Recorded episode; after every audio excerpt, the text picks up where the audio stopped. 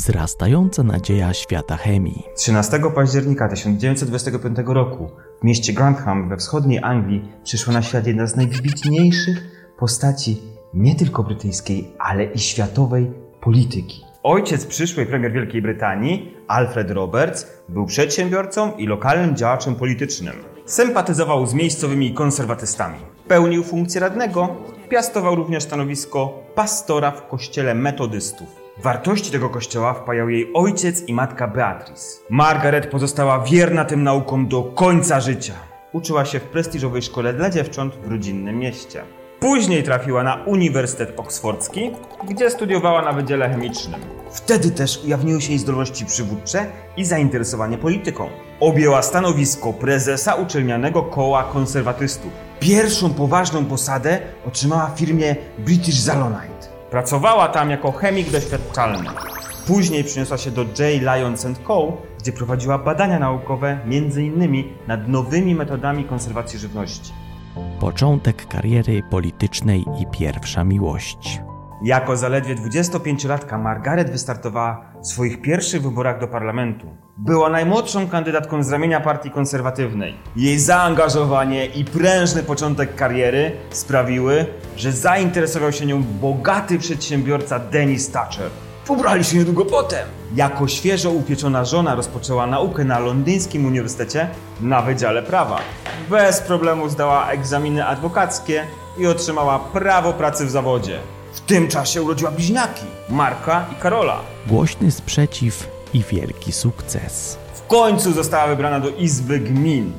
Już pierwszy jej występ wzbudził podziw. Wykazała się doskonałymi zdolnościami oratorskimi, a jej przekonywująca mowa sprawiła, że wszystkie stawiane przez nią postulaty zostały spełnione. Od początku była pewna siebie, zdeterminowana i wierna swoim ideałom. Nie bała się sprzeciwiać.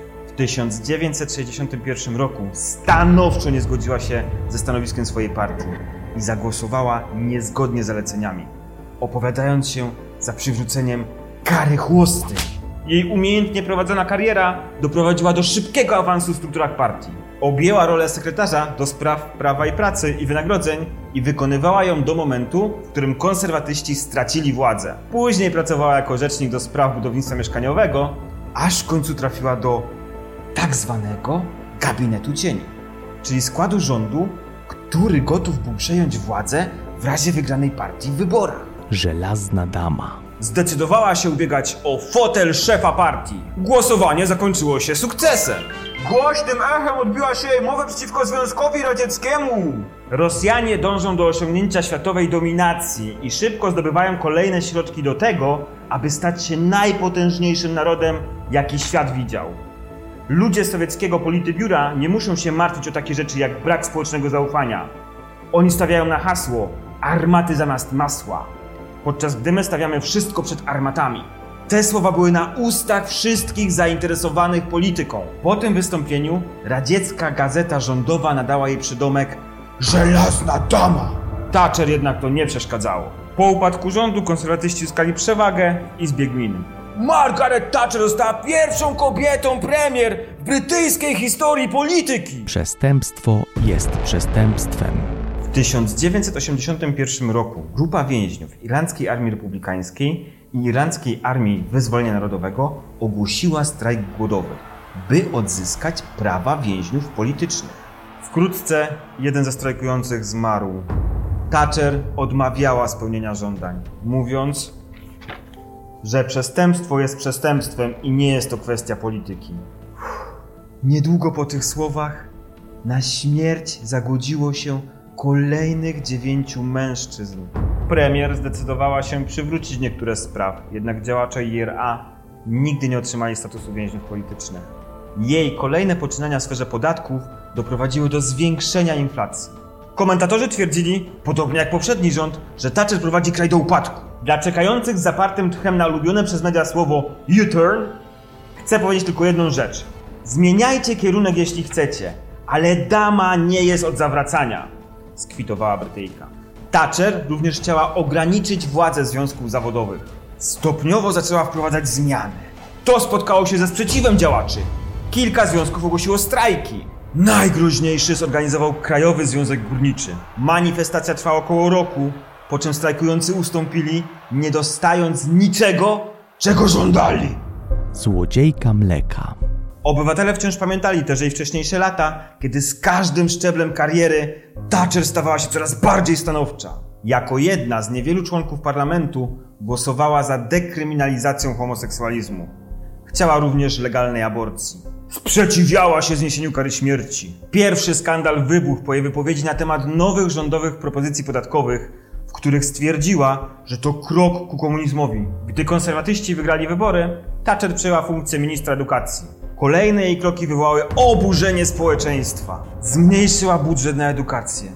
Odmówiła także przydzielenia dofinansowania bezpłatnego mleka rozdawanego w szkole. Wybuchła fala protestów, a minister zdobyła niesławny przydomek Mrs. Thatcher, the milk snatcher. Pani Thatcher, złodziejka mleka.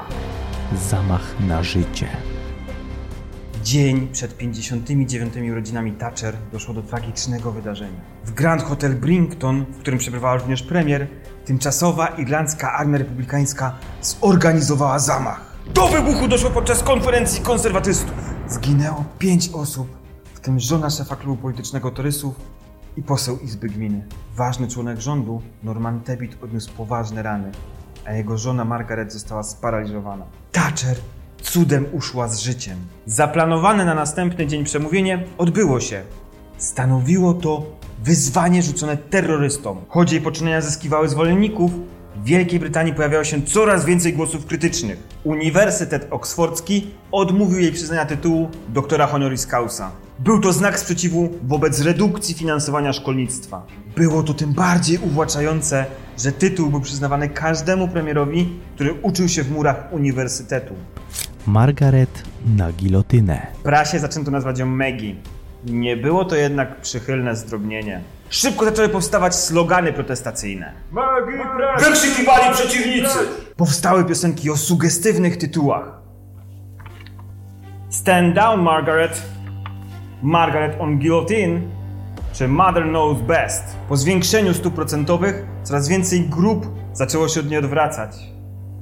Kolejne osoby rezygnowały ze stanowisk, nie mogąc dojść do porozumienia z brytyjską premier. Musiała toczyć walkę o przywództwo we własnej partii. Gdy wprowadzono podatek gminny, wybuchła kolejna fala protestów. W 1990 roku na ulicach Londynu doszło do groźnych zamieszek, w których uczestniczyły dziesiątki tysięcy mieszkańców. Thatcher nie zmieniła swojej decyzji, co było prawdopodobnie głównym powodem jej upadku. Ostateczna klęska. Partii pojawiły się coraz większe podziały. Prawdziwy problem narodził się jednak, gdy z pracy zrezygnował Jeffrey Howe, jeden z najważniejszych współpracowników Thatcher. Na Maggie zaczęto wywierać coraz większą presję. Żądano, by ustąpiła dobrowolnie. W końcu, pod naciskami kolegów z partii, 22 listopada 1990 roku ogłosiła, że nie zamierza kandydować. Po obszernych konsultacjach z moimi współpracownikami doszłam do wniosku, że lepiej przysłużę się jedności partii i dam jej większe szanse na zwycięstwo w nadchodzących wyborach, jeśli pozwolę moim ministrom na uczestniczenie w wyborach o przywództwo w partii, powiedziała wtedy. To był ostatecznie koniec długich i burzliwych rządów żelaznej damy. To nie czas dla trzęsących się. Mimo wszelkich przeciwności i nieprzychylnych komentarzy, wkład Margaret Thatcher w rozwój kraju jest niezaprzeczalny. Między innymi dzięki współpracy z Ronaldem Reaganem nastąpił rozpad Związku Radzieckiego. Jej przypisuje się wkład w zwycięstwo demokracji nad autorytaryzmem. Odnosiła sukcesy na scenie polityki zagranicznej. Jako jedna z pierwszych zwróciła uwagę na problem globalnego ocieplenia. Jej zaangażowanie i stanowczość pokazują, że zasłużyła na miano żelaznej damy w pozytywnym jego znaczeniu. Dla wielu jest przykładem determinacji i sukcesywnego dążenia do celu. Największe honory. Została uhonorowana dożywotnim tytułem baronowej Thatchers of Kesteven, tym samym otrzymując możliwość zasiadania w Izbie Lordów. Królowa przyznała jej jeden z najwyższych brytyjskich odznaczeń Order of Merit. Później otrzymała Order Podwiązki, czyli najwyższe odznaczenie rycerskie Wielkiej Brytanii. Swoje poczynania pisała w dwóch tomach pamiętników. Droga do władzy i lata spędzone na Downing Street. Wciąż liczono się z jej zdaniem. Zdominowanym wtedy jeszcze przez mężczyzn świecie udowodniła, że kobieta może również mieć wpływ na losy świata. Była postacią kontrowersyjną, jednak nie przejmowała się tym. Jak sama mówiła, 90% naszych zmartwień dotyczy spraw, które nigdy się nie zdarzą.